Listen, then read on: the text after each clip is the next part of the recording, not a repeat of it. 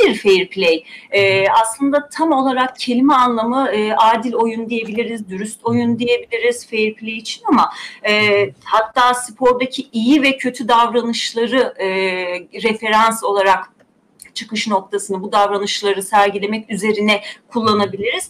Çünkü şöyle yapalım 15. yüzyıla gidelim. Çünkü 15. yüzyılda karşımıza iki tane kavram çıkacak. Foul play ve fire game diye. E, foul play zaten e, gözümüzde canlandırabiliyoruz değil mi? E, kurallara uygun olmayan aslında hatalı davranış, aynen. Hatalı davranışları e, anlatan bir e, ifade olarak karşımıza çıkıyor. E, bir şeyin iyisi varsa kötüsü de var. E, o, tabii ki tam karşılığı da var. Evet. Power play varsa buna bir de ne gerekiyor karşılığında? Fair play lazım. Fair play gerekiyor. Evet. E, fair kavramıyla play kavramını bir araya getiren, birleştiren e, aslında çok tanıdık biri ve 16. yüzyılda ilk defa biz görüyoruz fair play kavramını yazılı dilde. Çok tanıdık biri diyorum çünkü e, Shakespeare'den bahsediyorum. Fair play kavramını biz ilk defa 16. yüzyılda Shakespeare'de görüyoruz. Shakespeare'in e, Kral Joe'nun Yaşamı ve adlı eserinde görüyoruz. Muhtemelen de zaten böyle rekabete dayalı bir oyun sırasında kullandığı e, bir e, davranışı tanımlıyor aslında bize fair play. Peki e, hani benim alanıma ya da e, spor terminolojisine ne zaman giriyor fair play kavramı? O zaman da biz 18. yüzyıla geliyoruz. Biraz ee, daha yaklaşıyoruz günümüze. Biraz daha yaklaşıyoruz. Hatta biraz daha yaklaşalım. Tamamen bu sistematik temellerin atıldığı dönemi 19. yüzyıl olarak belirleyebiliriz. Yani Hı-hı. bugünkü anlamda anladığımız hani sporda iyi davranışlar, Hı-hı. e, tanım da verecek olursak işte ne diyelim ya, oyunun yazılı kurallarına uyma, hı hı. haksız avantajlardan yararlanmama, rakibin dezavantajını e, kendi lehine çevirmeme diyelim. Rakibe düşman olarak değil de e, aslında oyunun gerçekleşmesini sağlayan bir partner olarak görebilme. Bu anlamda rakibe de saygı duyabilme. Çünkü rakip yoksa ben de yokum bir anlamda oyunda yok. Tamamen bu kavramları anlatıyoruz. Biz 19. yüzyılda spor terminolojisini tam anlamıyla e, girmiş haliyle fair play için biz bunları söyleyebiliriz.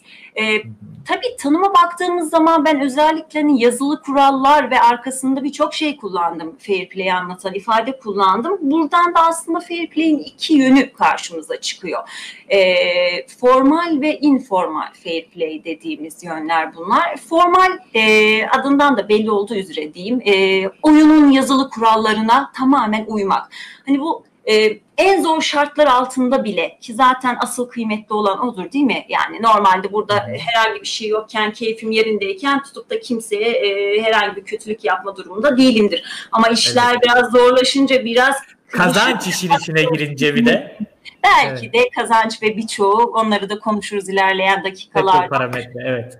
Kesinlikle. E, bu anlamda evet işte yazılı kurallara uymak formal fair play. Ha bir de informal fair play var. Orada ne oluyor dersek e, orada da işte e, tamamen kendi isteğimizle e, içimizden gelerek ya da şöyle de diyebiliriz gelenek, görenek, e, normlarımız, ananelerimiz değil mi? Bunlar bizim yazılı olmayan kurallarımız. Ha yapmazsak kesin bir şekilde cezalandırılmıyoruz belki ama tepki alabiliyoruz. Bunlar da işin informal yönü. Biraz önce izlediğimiz videodaki sporcunun davranışı informaldi. Çünkü ne yaptı? Kendi isteğiyle e, bu davranışı gerçekleştirdi. Yapmak zorunda değildi. Yapmak zorunda Herhangi bir yerde yazmıyordu. Sen sporcu bak yolu şaşırdı. Sen ona yol vermezsen yarış dışı kalacaksın gibi evet. herhangi bir kuralı yok bu işin elbette ki. Bu tamamen informal fair play'e yönelik bir örnekti. Kısaca böyle tanımlayabiliriz aslında fair play'i. Peki hocam şimdi Fair Play'in tarihçesinden bahsettik. Aslında biraz da şeye de odaklanmak istiyorum. Şimdi kozmik zamanda insanlığın tarihçesine baktığımızda aslında çok küçük. Fakat bizim ölçümü, ölçeğimizde, bizim zaman ölçeğimizde baktığımızda ise oldukça uzun bir e, tarihe sahibiz. Şimdi insanlık e, günümüze kadar pek çok oyun alışkanlıkları vardı, pek çok ritüel alışkanlıkları vardı vesaire vesaire ve bu oyun alışkanlıkları içerisinde de bazı davranışlar sergilendi. Özellikle ve özellikle kastettiğim zaman antik çağ. Bu antik çağda da e, fair play davranışlarının izine rastlayabiliyor muyuz? Veya bir karşılığı var mıydı gibisinden bir soru yöneltmek istiyorum size. Çok güzel bir nokta. Evet yani şu ana kadar anlattığım şey elbette ki kavramsal gelişimde. Ee, ama tabii bunu davranış olarak daha öncesinde görüyor muyuz? Elbette ki görüyoruz. Antik çağ dediniz harika. Niye? Antik çağ deyince aklımıza ne geliyor sportif anlamda? Antik olimpiyat oyunları elbette ki. Ee, ve biz acaba antik olimpiyat oyunlarında da e, fair play yönelik davranışlar görüyor muyduk? Bir bakalım görüyor muyduk?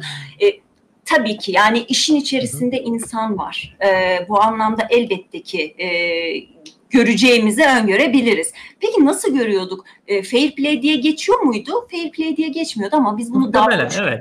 görüyorduk. Hı hı. Yani mesela şimdi aslında böyle e, bir anda spor e, bağlamında geçiş yapmayalım. E, şöyle ki. bir geçiş yapalım. Hani o zamanların genel eğitimi neydi? Orada nasıl bir eğitim anlayışı vardı? Hani bu spora nasıl yansımış? Ve bu ee, eğitim anlayışı fair play doğurabilir miydi? Çünkü antik zamandan bahsediyorduk ya aynen. Elbette ki. Zaten biliyorsunuz ki eğitim e, aslında formal ya da informal eğitim hiç fark etmez. E, bizim tamamen davranışlarımızı oluşturduğumuz e, bir sistem aslında. Ne nasıl eğitim verirseniz e, toplumdan da o şekilde davranışlar görüyorsunuz elbette ki. E, bakalım antik çağda nasıl bir eğitim anlayışı vardı? Şimdi çok ilginçtir. E, niye ilginçtir diyeceğim dedim onu da açıklayayım sonrasında. Şimdi temel eğitiminde antik Yunan'ın beden eğitimi hep var vardı. Beden eğitimi vardı. Ee, ve işte bunu Platon'da da görüyoruz, idealizmde de görüyoruz. İşte Aristo'ya geldiğimiz zaman Aristoteles'te de görüyoruz, e, realist yaklaşımda görüyoruz. Hatta Aristoteles diyor ki eğitim beden eğitimiyle başlıyor, müzikle devam ediyor, işte bilimle, felsefeyle son buluyor. E, bunu tabii ki e, eğitim hiçbir zaman son bulmuyor. Süreç olarak görüyoruz biz onu ama. şunu da görüyoruz sanki hocam. Okul eğitiminden bahsedelim.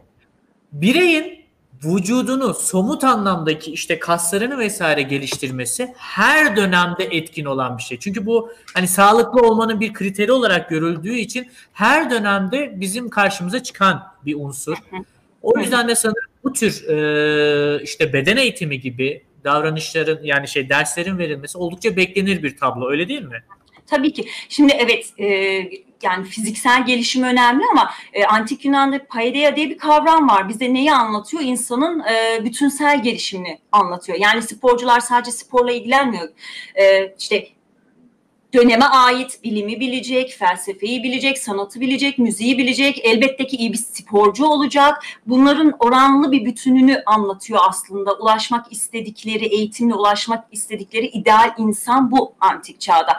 E biz spora nasıl yansıyor? Yani olumlu bir yansıması var mı? Elbette ki var. Şimdi biz e, hani fair play'le nasıl bir bağ kurabiliriz? Antik olimpiyatlarda da mesela hakem otoritesi var. Biz dedik ki kurallara uyacağız şu anda anladığımız anlamda da. Başka ne var? Ee, evet hakem otoritesi var, kurallara bağlılık var, şans eşitliği var. Bunlar aslında bizim fair play tanımlarımız. Evet. Bunları antik çağda da görüyoruz. Nasıl görüyoruz? Mesela günümüzde anladığımız olimpiyat köyleri. Olimpiyat antik, köy. Evet, antik çağda da var. Mesela e, işte Zeytin Dalı'nın geçtiği her yerde savaşlara ara veriliyor. Sporcular e, olimpiyaya güvenli bir şekilde ulaşıyorlar. Ama bir ay öncesinde geliyorlar. Ve e, burada toplu, beraberce bir antrenman e, yapıyorlar ve e, beslenme şekilleri de aynı e, durumda oluyor. Bir aradalar yani. Dezavantaj oluşturacak veya avantaj oluşturacak bir şeye e, tahammül e, şey ortam hazırlamıyorlar. Böyle şey hazırlamıyorlar.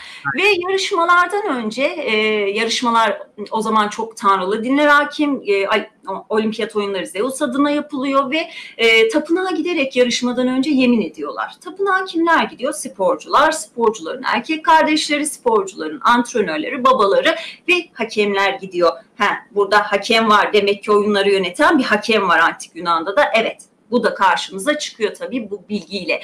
Niye gidiyorlar tapınağa? Ee, sporcular yarışmalarda kurallara uyacaklarına dair yemin ediyorlar herhangi kural dışı bir davranışta bulunmayacaklarına dair. E, hakemler de bu süreci objektif yönetebileceklerine dair e, yemin ediyorlar ve e, aslında bir anlamda bu şekilde de başlıyor e, olimpiyatlar. E, yazılı kurallar dedik, hakemler dedik. Antik Yunan'da evet hakemlerin olduğunu biliyoruz ve bunlara Helenodokya deniyor. Yani seçkin Helen anlamına geliyor e, bu Helenodokya ve e, gerçekten de e, çok seçkin insanların yerine getirdiği e, görevlerden bir tanesi diyebiliriz. E, bu anlamda e, hakem otoritesinin olması, kurallara uyulması e, elbette ki e, çok önemli o dönem için. Çünkü şampiyon sporcu aslında Tanrı'nın kutsadığı kişi. Eğer kural dışı davranıyorsanız da ne yapmış oluyorsunuz? Tanrı'yı kandırmış oluyorsunuz. Evet. Bu anlamda kurallara sıkı sıkı bağlı kalınmaya çalışılıyor o dönem için. Ee, çok fazla detayına girmeyelim çünkü daha e, geleceğimiz çağlar var. Mesela bir anda orta çağ atlayabiliriz. Ee, orada bambaşka bir görünüme geçiyoruz. Hem fair play adına hem e, eğitim adına da diyebiliriz. Şimdi e, orta çağda aslında bütün dini gelenekler diyelim ahlak ya da karakter eğitimi üzerine odaklanmış. E, yine aslında bu ahlak eğitiminden ya da karakter eğitiminden uzaklaşmış değiliz ama e, orta çağa baktığımızda lütfen şurayı tırnak içinde kalsın. E, özellikle orada Katolik kilisesinin bir anlayışı var. E, der ki vücut egzersizi şeytan işidir. E, bu anlamda da evet e, bu anlamda da bedensel alıştırmalar da haliyle e, soylulara özgü bir durum. Ve burada da orta çağ deyince karşımıza şövalyeler çıkıyor. E, ve bu şövalye davranışı nasıl? Tapınak şövalyeleri işte diğer şehir şövalyeleri vesaireden mi bahsediyoruz yoksa çok daha farklı bir anlayışa hizmet eden şövalyeler mi vardı? Hı hı. Krallık gücünü temsil eden şövalyeler var. Hatta Shakespeare'in aslında fair play'i e, anlatımında e, şövalyece düşünüş tarzı demesi de e, bununla beraber şövalyelerin davranışlarının ne kadar fair play adına önemli etkili olduğunu da ortaya çıkarıyor. Şöyle ki e, şövalyeler kraliyet gücünü temsil ettiği için e, tüm davranışlarında çok özenli, çok nazik ve e, daima işte rakibe hazırlanma şansı tanıyan bir ortam hazırlamak durumundalar. E, aksini düşündüğünüz zaman şövalyenin hatalı bir davranışı krala yapılmış bir hakarettir. Ve şey gibi ee, işte uzak doğu Asya'da da samurayların karşılığıymış gibi geliyor. Hani herkes samurayları da aynı şekilde bilir ya. ne derler? Bağlı oldukları işte ustanın e, öğrencileridir ve yanlış bir harekette, yanlış bir e, tavırda bulunmamaları gerekmektedir. Aslında Tabii. aynı. Evet, e, saygısızlık olarak adledilir ve evet sonuçları kötü olur.